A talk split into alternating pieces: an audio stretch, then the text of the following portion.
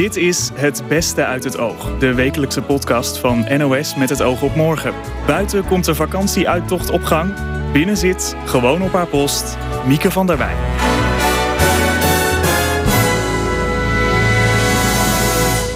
Zo is het. Hartelijk welkom bij deze Oogpodcast, waarin we vier mooie gesprekken van de afgelopen week hebben verzameld.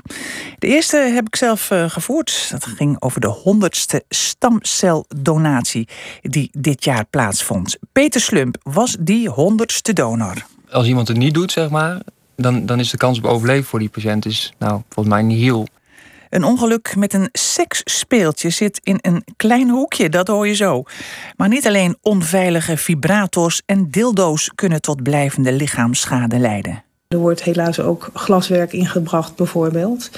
En je kunt je voorstellen dat het darm met name daar ernstig van kan beschadigen. En een beschadigde darm, ja, dat kan eindigen in een stoma. We hadden de Nestor van de Nederlandse architectuur te gast. Herman Hetsberger deelt zijn visie op de architectuur. Je moet niet bouwen voor de directe functies die er dan op in moeten komen, maar je moet bouwen met het oog op morgen. Nou, dat is toch wel heel mooi in deze uitzending dat hij dat zegt. Sinds 1941 lagen twee Nederlandse onderzeeboten op de Maleisische zeebodem. Die waren gezonken in de oorlog. Maar nu zijn ze weg. Vermoedelijk illegaal geborgen omdat het staal van de boten veel geld waard is. Een pijnlijke zaak voor de nabestaanden van de opvarenden. De grootvader van oud-minister Jet Bussemaker was commandant van een van die boten. Ze vertelde aan Marcia Luiten dat ze haar opa Anton alleen maar uit verhalen kent dat het een uh, zeer uh, getalenteerd uh, iemand was die snel carrière in de marine heeft gemaakt. Dat hij flottillecommandant was, dus eigenlijk hoofd van de onderzeeboten in Indonesië. En daarin heel nauw samenwerkte met Karel Doorman, schout bij nacht. En Helfrich, de commandant van de zeemachten. Ja, en um, fascinerend is, dat las ik zojuist, dat tot 1995 werd aangenomen dat hij een cruciale fout had gemaakt. En een Brits mijnenveld was ja. in gevaar. Ja. Kijk, hij, heeft, uh, hij is, hij is um, uh, geroemd omdat hij uh, na Pearl Harbor eigenlijk de eerste slag aan Japan als tegenaanval heeft uitgevoerd. Waarbij een aantal Japanse schepen tot zinken zijn gebracht. En dat is voor pagina nieuws in de New York Times en eigenlijk overal geweest. Op de terugweg is de boot gezonken. En op één man na, die na 38 uur zwemmen een onbewoond eiland heeft bereikt, is de hele bemanning uh, daarbij, uh, heeft het leven gelaten. En er is heel lang onduidelijkheid geweest of er is gespeculeerd of zijn boot nou op een Britse of op een Japanse mijn was gevaren. Was het een Britse mijn geweest, dan had hij natuurlijk een enorme fout gemaakt. Dus uh, je kunt zich voorstellen dat toen die boot één keer gevonden was, dat dat in ieder geval voor veel nabestaanden, in ieder geval mijn vader, die altijd zeer nauw bij die geschiedenis betrokken was uh, geweest, ook wel heel belangrijk was en een soort genoegdoening uh, gaf van er is geen fout uh, gemaakt. het is heel tragisch, maar het is een Japanse mijn geweest. Ja, want uw vader herinnerde zich dit ongeluk. Die was 13. Die was 13. Um, die was uh, zeer um, uh, betrokken ook bij wat er allemaal um, in het werk van uh, zijn vader, mijn opa, gebeurde. het was natuurlijk ook met dat moment begon ook de oorlog in, in Indië, Nederlands-Indië. Ja. Dus het was ook wel voor mijn vader, behalve het verlies van zijn vader, het begin eigenlijk van een hele periode in, in kampen. Maar voor hem was het heel, heel belangrijk dat dat gaf gevonden werd, want het gaf ook rust. Het was ook het moment waarop die boot gevonden werd. Hij is samen met, uh, met zijn broer, met, marine, met de marine daar naartoe gegaan. Ze hebben een krans uh, gegooid. Dus het was ook een heel beladen, maar ook een mooi emotioneel moment. En daarom is het nu zo erg dat ja. wat een oorlogsgraf was, verdwenen is. En hoe is die O16 ooit gevonden? Door een, uh, een, een Zweedse duiker. Die um, uh, gewoon privé heel veel dook. Ook heel veel wist van onderzeeboten. En het vermoeden had dat hij, uh, dat hij de O-16 en ook een andere boot, de K-17, daar gevonden had. Toen is er nog enig overleg met de marine geweest. Want die waren daarvoor niet heel erg betrokken. En er is wel van Lieverlee steeds meer aandacht geweest voor ook um, scheepswrakken voor het behoud van, van ehm, wrakken onder water. Ik herinner mij dat u aankondigde dat drie van die onderzeeboten dus waren, illegaal waren gelicht. Ja, dat was een um, vrij bizar moment. Want het was vlak voor de herdenking van 75 jaar slag op de Javazee, waar ik ook zou spreken, bracht ik een werkbezoek aan Indonesië. En tijdens dat werkbezoek um, heb ik de berichten in ontvangst genomen en rapporten over drie andere boten, uh, waaronder uh, de Java en uh, nog twee andere, waaruit bleek dat die ook al verdwenen waren. En vandaar dat ik ook niet heel veel hoop had dat, dat de O16 nog helemaal intact zou zijn. Maar dat ik het wel heel belangrijk vond om ook verdere vervolgafspraken te maken. Niet alleen voor de boot van mijn opa, maar voor al die boten die daar liggen. Ja, en dan is het toch wel, het is triest dat het ons allemaal niet gelukt. is. Nee, het is ook heel moeilijk. Het zijn internationale wateren. Je hebt heel veel verschillende regeringen nodig. Ik maakte afspraken met de Indonesische regering. Maar hier ging het eigenlijk over de regering uit uh, Maleisië. En um, uh, het is moeilijk te controleren. Mensen die er veel dichter op hebben gezeten dan ik, die zeggen wel: het is moeilijk voorstelbaar dat niemand hiervan wist. Want je hebt enorme hijskranen nodig. Ik zag foto's van het lichten van zo'n ja. wrak. En dat is enorme ja. hijskranen. Dus je kan daar bijna niet van wegkijken. Nee, dat is moeilijk om dat te doen. Tegelijkertijd, je kan, weet je, um, op die territoriale of buitenterritoriale wateren kan je ook niet uh, eh, 24 uur per dag uh, surveilleren. surveilleren. Dus het gaat er ook eigenlijk om wat beweegt mensen uh, om, een, om een oorlogsschaf op deze manier, op, met, op zo'n brute wijze kapot te maken. Ja, want we hebben het steeds over dat schip, maar dat schip zaten dus 41. Ja ja, resten van uh, uw opa en die andere mannen in. Ja. Is er nog enige hoop dat u die kunt, gaat terugvinden? Nou, voor zover ik weet, maar dat weet ik het fijne ook niet uh, van, is er echt nog maar zo weinig over dat, uh, dat die resten er ook niet meer, want die hele boot is weg. En uh, het grootste deel van die resten zaten natuurlijk uh, in die boot. En nou ja, wat er nu moet gebeuren, dat weet ik ook niet. Sommige mensen zeggen, uh, breng de resten maar naar Nederland. Anderen zeggen, breng het naar een, een van de oorlogsgraven in Indonesië. Ja. nou ja, dat is aan, aan alle nabestaanden en de meest betrokkenen ook bij de marine... om daar iets verstandigs over te besluiten. En ook te kijken wat nog mogelijk is. Ja, want hoe is dit voor nabestaanden? Heeft uw vader dit nog meegemaakt? Nee, mijn vader die is uh, vorig jaar overleden. En dat was triest. Maar ik dacht wel het eerste wat bij me opkwam toen ik dit nieuws hoorde. Gelukkig hoef ik het hem niet meer te vertellen. Ja, is wel iets geks, want um, in 2013 waren er al berichten dat die uh, O16 um, ja, dat die gelicht werd of dat hij aangetast werd. Terwijl dat team van experts is deze week teruggekomen. Ja. Hoe, waarom is dat zo laat pas onderzocht? Nou ja, omdat het toen, um, wat ik ervan gehoord heb, ging om sporen van uh, vernieling. En um, uh, niet meer dan dat. En uh, dan moet je toch een grote expeditie opzetten. Daar heb je, je hebt de samenwerking met regeringen nodig. En dat kost gewoon ook veel tijd. Want misschien uh, ja, kan je ook wel voorstellen dat het voor landen daar niet het belang had wat wij daar aan, aan hechten. Dus die afspraken zijn in eerste instantie met Indonesië gemaakt. En pas later met Maleisië. En misschien als er toen onmiddellijk actie was ondernomen maar was het misschien anders geweest? Ja, wie weet, wie weet. Want in 2013 waren er al foto's dat in, in krantenartikelen. Dus... Ja, maar niet, maar niet die mate dat een schip uh, weg zou zijn of helemaal uh, gelicht uh, zou zijn. Maar wel wat men wel wist, dat er daar in die wateren bewegingen waren van mensen die belangstelling hadden voor die schepen. Dat hebben we ook bij de Kortenaar en de Java, die, die al eerder ehm, weg waren gehaald, gezien. Ja, oud-minister Jet Bussemaker hoorde u. Ik sprak zondag over stamceldonatie, omdat de honderdste stamceldonatie van het jaar is uitgevoerd. Te gast was Jaap Dijkman, hij is arts en directeur van de stichting Matches. En Peter Slump, die was er ook. Die vertelde zijn verhaal omdat hij de donor was. En waarom was hij donor? Nou, hij had een oproep op Facebook gelezen.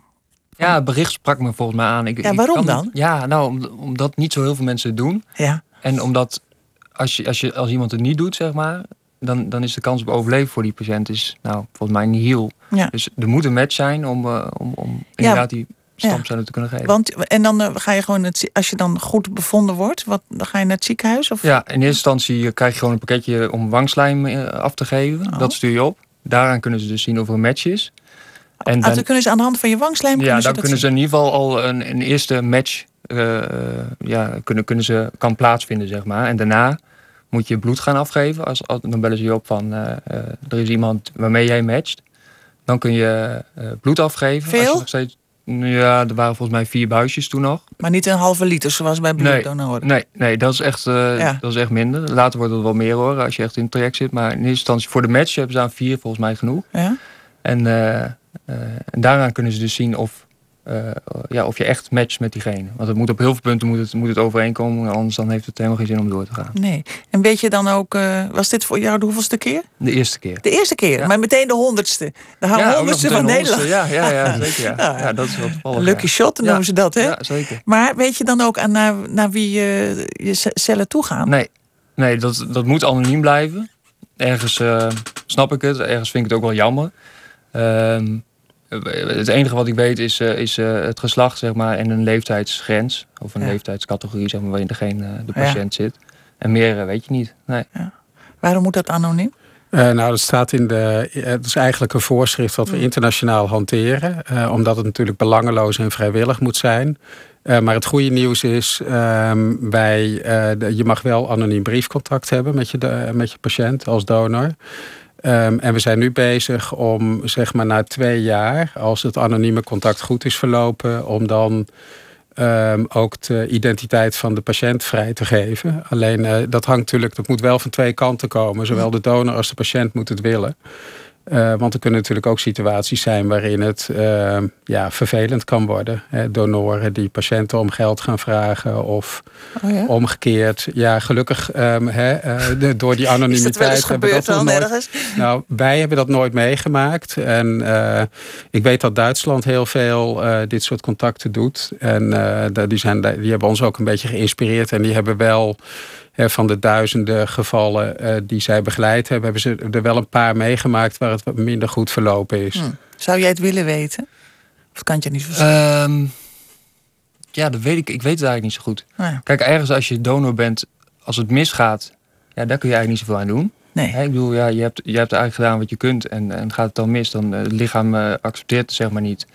Ja, daar kun je niet zoveel aan doen. Maar gaat het goed, ja, dan komt het wel door, jou, eh, Ja. door jouw stamcellen. Zeg maar. Ja. Dus, Het is dus heel moeilijk om een goede match eh, te vinden, hè, Jaap Dijkman? Ja, ja het is, ehm, je moet het een beetje zo zien dat ehm, op het moment hebben je, je- jullie kennen waarschijnlijk allemaal de verschillende bloedgroepen die je A, kunt hebben. A, B, B, AB en nul. En nul. Ja. Ja, dus op het moment dat je bloed geeft aan iemand, dan moet dat precies matchen met het bloed van de, de ander. Hoeft niet, want je hebt ook universele ontvangers, toch? Ja, als je een bloedgroep of Ja, eh, oh. vervangen, ja, nul negatief. Eh, maar goed, het kan Nou ja, natuurlijk ook misgaan. En ehm, dat is ook zo met stamcellen. Alleen is het met stamcellen zo dat je veel meer groepen hebt. Daar heb je wel honderden groepen, zodat je eigenlijk een gemiddelde kans hebt van 1 op 50.000 dat die match goed is. En het is dus heel belangrijk, eh, wat Peter hier net ook al zei, eh, dat dat eh, zo is. Want op het moment dat je geen goede match hebt, dan, kan het, dan kunnen de stamcellen afgestoten worden. En dan ja, moet de patiënt of een nieuwe transplantatie hebben, ehm, of het is einde verhaal. Ja. Nou ja, het is nogal ingrijpend hè, als je zo'n stamceldonatie krijgt. Ik heb dat in mijn eigen omgeving ook meegemaakt. Je krijgt eerst afschuwelijke zware chemo's en dan kan dat lichaam pas weer opnieuw dat op gaan bouwen. Maar ik begrijp dus dat eh, als je stamceldonor bent, dat de kans dat je nooit wordt opgeroepen ook heel erg groot is. Ja, ja je, je kunt zeggen dat eh, van alle donoren die wij in het register hebben, dat die gemiddeld genomen 1% kans hebben. Ja. Eh, naarmate je wat jonger bent, kan die kans wat oplopen, maar nooit meer dan 2, Ja. 2,5 procent. Ehm, en als je wat ouder wordt, dan neemt die heel sterk af. Ja. En zijn er voor de donor nog gevaren? ja, eigenlijk die, die werden wel allemaal benoemd. Oh. Ehm, toen, ik, toen ik die intake had, zeg maar, toen dacht ik ook wel, oh. nou, oh jee, ja. de, bij, de Ja, werd- je merkt gewoon heel erg, ze zijn heel voorzichtig. Matches is echt voor de, voor de donor, zeg maar. Die hebben, ja, dat klinkt even gek, maar die hebben eigenlijk niks met die hele patiënt te maken. Die, zijn, die zorgen echt heel goed voor de donor. Dat heb ik wel heel erg gemerkt. En dat was ook wel fijn. Je krijgt een hele uitgebreide keuring. En, eh, maar goed, ze moeten natuurlijk de, de eventuele gevaren benoemen. En ze, en ze weten ook natuurlijk... En die zijn? Nou ja, uh, poeh, ja dat, dat vraagt me wel wat. Uh, je nou, bent ja, alweer vergeten. Nou, bijvoorbeeld um, als je een uh, auto-immuunziekte hebt, dat is me vooral bijgebleven. Als die in je systeem zit, ja. die zou bij mij bij wijze van spreken over 10 tot 15 jaar zou dat tot, tot uiting kunnen komen. Maar doordat je op deze manier stamcellen doneert, zou het kunnen dat die al binnen twee jaar actief worden. Ja. Dus, je zou het uiteindelijk sowieso krijgen, maar het kan dan versneld. Ja, oké. Nou, dat, is, dat is volgens mij, zeg ik het even, maar dat, dat is, kwam in ieder geval bij mij als het grootste risico even. Ja, klopt dat? Uh, nou, het is zo dat inderdaad uh, uh, niets is zonder risico. stamcellen geven ook niet. Uh, maar het risico is heel klein. Uh, of proberen wij zo minimaal mogelijk te houden. Door bijvoorbeeld iemand goed te keuren. Door te kijken of iemand inderdaad een auto-immuunziekte heeft. Want dan komt hij niet in aanmerking voor uh, stamceldonatie. Dus dat risico dat nemen we sowieso niet. Um, en we leren natuurlijk ook. Hè, wereldwijd worden er 7000 van dit soort transplantaties gedaan. met ehm, onverwante donoren, zoals wij dat noemen. En uh, als er ook maar ergens iets gebeurt, dan gaan we daar meteen naar kijken en dan, dan leren we daar weer van. Dus het is hè, um, eigenlijk zo dat um, wij hebben in Nederland nog nooit meegemaakt nee. dat iemand daar iets aan overgehouden nee. heeft. Nou, gelukkig maar. Er komen richtlijnen voor seksspeeltjes, want daar gebeuren steeds vaker ongelukken mee. Omdat ze niet goed in elkaar zitten bijvoorbeeld, of zijn gemaakt van giftig materiaal. Joost Vullings dacht woensdag alvast mee met Tessa Feijen, die seksspeeltjes test, en met dokter Annemarie van der Velde, die op de spoedeisende hulp regelmatig met sekstooi-ongelukken te maken krijgt. En hulp bieden is dan niet altijd makkelijk met name attributen, wat dat dan ook is, die dieper zijn gekomen, zijn niet altijd makkelijk er zomaar weer uit te krijgen. En um, veel attributen hebben helaas ook niet iets eraan vastzitten waardoor je daar makkelijk grip op krijgt. Dus het is voor ons ook moeilijk om echt grip op het attribuut zelf te krijgen. En dat kan maken dat je daarvoor naar de operatiekamer moet om mm. uh, ja, onder, onder narcose in ieder geval een, uh, een ingreep te verrichten om het attribuut weer te verwijderen. Ja, dus als we het hebben over, over een dildo, dat is dan gewoon glad. En daar kan u geen grip op krijgen. Dus als er iets aan zou zitten dat u met een haakje het kan beetpakken, dan zou dat voor u een stuk makkelijker zijn. Ja, de meeste attributen zijn aan de onderkant eigenlijk heel glad en vlak. Dus je, ja, je kunt je voorstellen dat je daar moeilijk grip op krijgt. En als daar inderdaad bijvoorbeeld een ringetje of een, of een lus aan zou zitten... die verder van materiaal is wat uh, een persoon niet kan beschadigen... dan zou het al veel makkelijker worden om dat soort dingen te verwijderen. Ja. Uh, uh, houden de mensen soms ook wel zeggen, blijvende gezondheidsschade aan over? Ja, dat kan. Um, en dat geldt niet alleen voor de seksspeeltjes, maar met name ook voor dingen die eigenlijk niet bedoeld zijn als seksspeeltjes. Um, daar zien we helaas veel problemen van. Um, er wordt helaas ook glaswerk ingebracht, bijvoorbeeld. En je kunt je voorstellen dat het darm met name daar ernstig van kan beschadigen. En een beschadigde darm, ja, dat kan eindigen in een stoma of een opname op de intensive maar, maar hoezo kan van, ja, als glas natuurlijk uh, uh, gebroken is, dan, ja. dan richt het veel schade aan. Maar op zich, een, een, een gladde fles, is dat ook gevaarlijk? Ja, dat is zeker ook gevaarlijk. Want ja, glas is niet zo glad als iedereen denkt. Daar zitten toch kleine, minuscule uitsteeksels aan. Moet hmm. maar eens denken aan een bierflesje. Als je aan de zijkant voelt, dan voel je daar ook de naad lopen van de productie. En dat soort kleine verhevingen in, in zo'n glaswerk... Ja, dat is al voldoende om beschadiging te geven. Oh jee, ja, dat, dat lijkt me inderdaad heel erg pijnlijk. ga ik even naar, naar Tessa Feijen hier in, in de studio. Ja, uh, Kom jij veel onveilige dingen tegen? Uh, ja, niet alleen dus qua vorm. Heel veel speeltjes die eigenlijk voor anaal gebruik uh, ja, aangeprezen worden... die eigenlijk niet geschikt zijn om anaal in te brengen. Maar ook qua materialen zijn er heel veel onveilige speeltjes. En hoe bedoel je dat, qua materialen? Nou, er zijn nog steeds materialen die gewoon giftig zijn voor je lichaam. waar je er allerlei nare irritaties op kan lopen. Of echt ja, iets als een chemical burn. Wat echt ja, net chemical zo vervelend burn? is als het klinkt. Ja, in ja. je vagina. Dat is echt niet fijn. Um, maar, maar dat is ook... dan plastic? Wat, Nee, het is geen plastic. Het zijn altijd yeah andere een beetje vage materialen. Maar je hebt ook uh, ja, materialen zoals PVC en TPR. En die zijn op zich niet giftig, maar wel poreus. Dus dat houdt in dat uh, ja, er eigenlijk allemaal kleine gaatjes in. En daarin ja, kunnen dus allemaal bacteriën en schimmels kunnen gewoon gaan groeien. En ja, je kan met antibacteriële zeep wassen wat je wil en toy cleaners. Maar je krijgt het gewoon nooit schoon. Je weet niet wat er daar binnenin gebeurt. En de volgende keer breng je het weer in. Um, ja, terwijl de bacteriën daar lekker een feestje hebben zitten bouwen. En um, ja, dat is gewoon ook echt niet goed voor je lichaam. Ja, dus als, als jij dingen test, dan is dat een belangrijk onderdeel van de review reviews die jij geeft? Ja, ik test sowieso geen uh, speeltjes van onveilige materialen. Ik test alleen speeltjes van veilige materialen, vaak van siliconen. Uh, en dat probeer ik ook altijd erbij te vermelden, zodat mensen het ook weten. Want heel veel mensen denken, ja, als je het in de winkel kan kopen of online in een sexshop, dan zal het wel goed zijn. Maar dat is helaas helemaal maar, niet maar zo. Maar hoe zie je het verschil tussen PVC of siliconen? Nou, om het te zien is echt heel erg moeilijk. Uh, en helemaal, ja, je hebt siliconen best wel ja, verschillende soorten afwerkingen. Dus daardoor voelt het soms ook wat anders aan.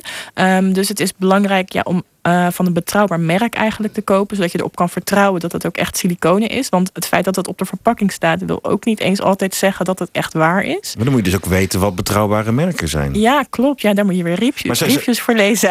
Ah, kijk, je nou, moet wel echt een beetje... komt het verdienmodel. je ja. moet een beetje, op dit moment nog steeds een beetje research doen. Dus ik denk dat het heel erg goed is als er richtlijnen komen. Er zijn ook, er zijn ook geen, geen keurmerken vanuit de branche zelf. Nee, er is helemaal niks. En je mag dus op de verpakking uh, zetten dat het siliconen is. Ook al is dat niet zo. Je mag zeggen, dit is body safe terwijl dat helemaal niet veilig is. Dat mag gewoon.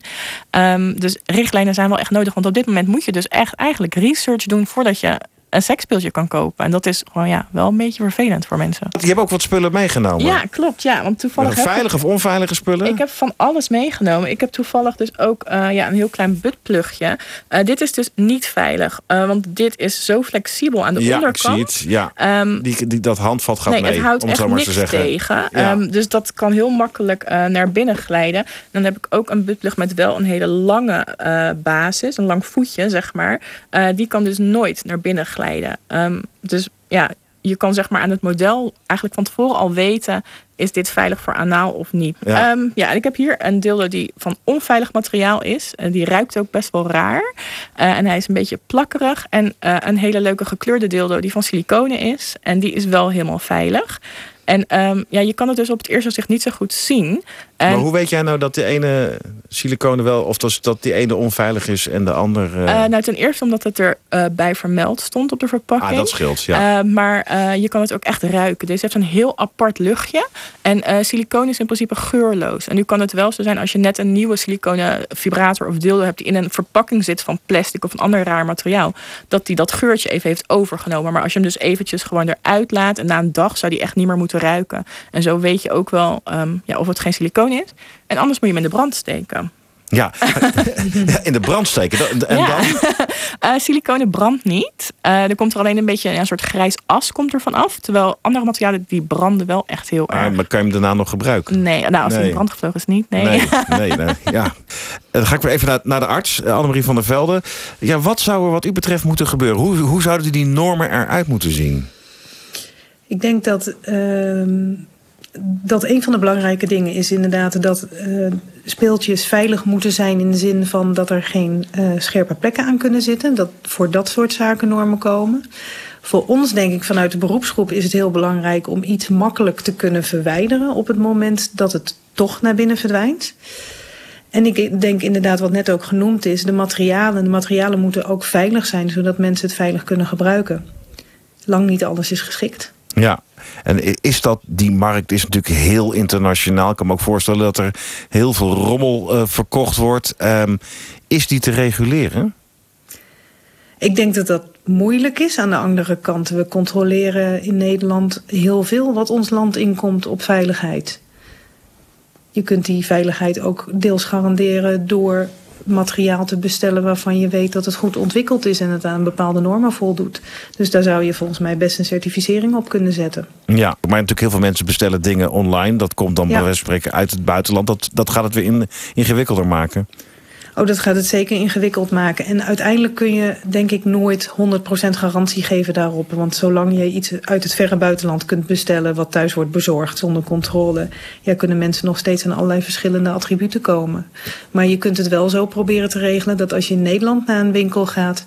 die gewoon gerenommeerd materiaal verkoopt... dat dat dan veilig zou moeten zijn. Hij ontwierp het gebouw van Centraal Beheer in Apeldoorn, het Chassé-theater in Breda. En nu krijgt hij een standbeeld. Architect Herman Hertzberger is een begrip in de Nederlandse architectuur. Hij is 87 jaar inmiddels, maar nog steeds betrokken en bevlogen. En hij legt aan Wilfried de Jong uit hoe hij dat doet. Hard werken. Ja, u werkt nog. Ja, ik ben altijd aan het werk. Ja. Pensioen is uit den boze bij een 87-jarige. Ja, ik krijg natuurlijk AOW, maar ik, ik ben gewoon uh, addicted aan werk. Ik kan gewoon niet, ik kan niet ophouden. Maar betekent het is een ziekte hoor. Ja. nou ja, dan kun je lang ziek zijn kennelijk. Maar betekent dat dat u letterlijk of figuurlijk aan de tekentafel staat en nog steeds... Tekentafels zijn er niet meer. Dat weet ik, dat weet ik natuurlijk. Maar ik, even om het romantisch te houden, u komt uit die tijd... dat u bij wijze van spreken nog altijd bezig bent met ontwerpen te maken. ik ben op dit moment vooral aan het schrijven, aan het luisteren naar jonge architecten. Ja. En proberen uh, die goede antwoorden te geven. Ja, maar als je alive en kicking bent, is eigenlijk het ergste wat je mee kunt maken dat mensen een beeld van je gaan maken wat onthuld wordt in Apeldoorn. Ja, daar ben je erg verlegen van. Ja. Verlegen? Ja, en, dan denken ze dat je dood bent, maar ik ben dat, dat ben ik nog niet. Nee. Staat er nog iets onder dat beeld, afgezien van uw naam? Ik weet niet, ik heb het niet gezien. Nee, heeft het niet gezien. Ik weet niet of het lijkt, of het heel erg abstract is gemaakt. Ik hoop niet dat het lijkt, want... Uh, want uh, ik ben niet meer wat ik toen geweest nee, ben. Nee, maar dat, dat spreekt voor zich. Maar u heeft nog wel een energiek uiterlijk, hoor. En, en de ogen prikken nog, zou ik zeggen. Ja. Maakt u zich nog lekker druk om de architectuur eigenlijk? Ja, ik maak er erg druk over, ja. In welke zin? Nou, dat het niet goed gaat met de architectuur dat uh, de architecten toch wel erg de weg kwijt zijn. Behalve de weg van het geld. Ja? Die kennen ze nog wel. Ja, ja. Maar, maar welke weg hadden ze moeten bewandelen volgens u dan? Nou ja, kijk eens, er is een tijd geweest dat we sociale woningbouw maakten. Dat dus ook mensen dus, uh, die geen geld hadden om een woning te kopen... gesubsidieerd door het Rijk, ja. dat toch konden. En dat is eigenlijk helemaal helemaal weg. En dat was een, een verworvenheid van de 20e eeuw. En die is gewoon weg, uh, weggeslipt. Nou, nou ben ik daar altijd een beetje tweeslachtig over als ik me ermee mag bemoeien. Ik heb mezelf twintig jaar in het oude noorden gewoond en veel in die stadsvernieuwing, want zo heette het, die jaren 70, waar we het over hebben. Dat was heel goed dat er veel woningen kwamen, maar ze waren vaak best wel van lelijk materiaal gemaakt. Ze waren niet mooi, maar ze waren goedkoop. Ja, en vindt u dat belangrijker dat een woning goedkoop is en dat die mooi is als architect? Mooi is een, uh, dat is een, een, valkuil. Je moet ontzettend. Dingen worden vanzelf mooi als je ervan houdt. En niet omgekeerd. Dat is, dat is een mooie uitspraak, maar u, u bent als architect toch Als jij, als jij van, een, van een vrouw of van een man houdt, dan dan wordt mooi. Dan ja. doet de schoonheid er aanvankelijk doet er, doet er niet toe, zeg u. Nee, dat, die wordt vanzelf mooi. Ja, maar u maakt mij niet wijs dat als u naar een, naar een mislukt pandje uit de jaren zeventig kijkt, niet van u, maar van een ander. Ja, dat is natuurlijk jammer. Elkaar, dat je denkt, van, Begrijp ik, het is leuker als het er mooi uitziet, maar het is een, uh, architectuur is, is geen esthetisch probleem, maar in de eerste plaats een maatschappelijk-sociaal probleem, vind ik. Ja, want als, als we naar, naar, naar uw werk eh, kijken, eh, het pand van Centraal Beheer is, is veel al genoemd. Hè? Dat werd ook wel de apenrots genoemd. Hè? Dat was ja, niet, niet, een, niet een eretitel, zou je zeggen, voor een pand. Nou ja, ik ben eraan gewend, ja. Was u er blij mee destijds, dat het zo genoemd was? Een pand uit de jaren 70, hè? Nou, weet je wat het is? Uh, ik vind het al mooi als een, uh, als een gebouw een bijnaam krijgt. Dan, uh, dan wordt het gezien. Ja, ja. Het is ook wel zo dat veel van die gebouwen die u gebouwd heeft, nog in een vroegere periode ook nog, hè, want ik, ik geef net uw leeftijd door, dan, dan zijn die panden op een gegeven moment zijn bestemd bij spreken als bankgebouw of weet ik wat. Maar op een gegeven moment holt dat uit door de ontwikkeling in de samenleving. Moet het wat anders met dat pand gebeuren? Wat vindt u daarvan? Dat is nou precies waar ik mijn hele leven mee bezig heb gehouden. Je moet niet bouwen voor de directe functies die er dan op, op een ogenblik in moeten komen, maar je moet bouwen uh, met het oog op morgen. Ja. ja, maar hoe doe je dat dan? Want je, er, wordt, wordt, er wordt u gevraagd nou, dat is dat zogenaamde structuralisme. En dat is een Waar beetje bij hoorde, hè? een misleidende term. Want bij structuralisme denk je aan structuren. Nou ja, gebouw is natuurlijk gebouwd. Ja. Dus het is ook een structuur, maar daar gaat het dan niet om. Het gaat erom dat je probeert het zo te maken dat het als het ware gebaseerd is op algemeen menselijke uh, dingen, die dus een langere tijd ja. uh, meegaan. Ik vind het wel mooi dat u, dat u dus eigenlijk zegt van gebouwen moeten, moeten een nieuw leven kunnen krijgen. Ook uw gebouwen. Ja. Maar is niet de hoogste wens van een kunstenaar, want dat bent u toch ook, uh, dat iets bestendigt en dat het voor het leven is. En dat iedereen zegt over 400 jaar nog dat is een echte Hertzberger? Nou kijk, een, schilderij, dan moet je verder met je vingers afblijven. Dat moet je houden zoals het, zoals het is. Maar gebouwen zijn geen kunstwerken uh, in de zin dat je er niet aan mag komen. Ik bedoel, uh, daar zijn vreselijke voorbeelden van, van architecten die de mensen uh, niet toelieten om daarin te doen wat ze, wat ze wilden.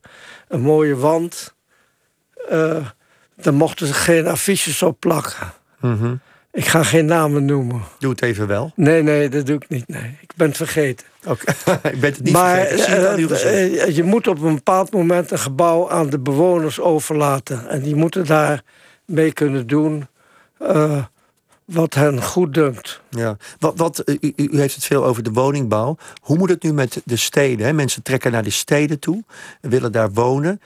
er lijkt weinig plek te zijn. Mensen kiezen voor hoogbouw. Uh, snelle bouw. Wat, wat, wat zou uw oplossing zijn voor dit probleem? Nou, ik, ik ben niet, op zich niet tegen hoogbouw, maar ik ben er wel tegen als al die gebouwen daar verloren in de ruimte staan en niks met elkaar te maken hebben. Wat ik dus het bijzondere vind van uh, steden zoals ze gebouwd zijn in het begin van de 20e eeuw en ja. daarvoor, is dat ze ook een gevoel geven van dat je ja, dat je daar uh, je thuis, thuis, bent. thuis bent. En hoe doe je dat dan in deze tijd? Hoe maak Ja, je door ruimte te maken. Het begrip ruimte is helemaal Ja.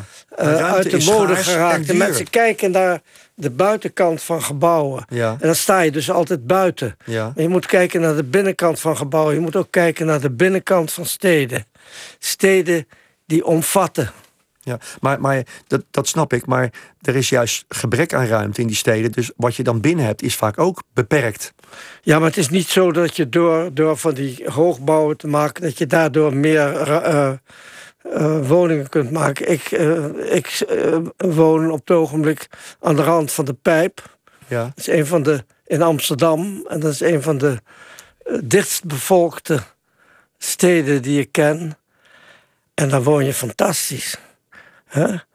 En eh, ik ben grootgebracht in de Amsterdam-Zuid, die Berlage buurt. ja. En dat is een buurt waar je je echt altijd omsloten voelt. En waar je toch ruimte hebt, waar je toch uitzicht hebt.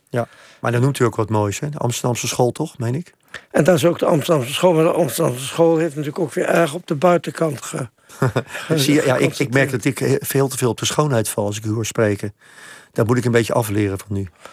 Ja, maar ik, ik ben natuurlijk niet tegen schoonheid, maar je moet, je moet, eh, je, je moet om een, om een eh, citaat van de, de componist Schoenberg eventjes te, Ja, te gebruiken. Je moet niet eh, doen wat de mensen mooi vinden, maar je moet doen wat nodig is. mooi. Dat is een mooie zin eigenlijk voor onder dat standbeeld wat u krijgt in Apeldoorn. Misschien. Zal ik even bellen met de burgemeester? Ik zou zeggen, ga je gang. Ik heb zo mooi het gevoel dat dat, dat, dat beeld, dat staat er wel, maar dat, dat staat stil te wezen. Maar meneer Hertzberger blijft bewegen, die blijft doen. Ehm, eh, goed dat u er was en goed dat u er blijft. Eh, ik ga u in de gaten houden en ik heb weer een hoop geleerd op het gebied van, eh, van architectuur. Ja, en we eindigen deze podcast met, jawel, een opening van Joost Vullings. Of is het nou een afsluiter? Buiten is het 15 graden. Binnen zit Joost Vullings. Wetenschappers hebben berekend hoeveel we moeten werken om gelukkig te zijn. En wat blijkt? 8 uur per week werken is al voldoende. Meer uren draaien maakt niet gelukkiger.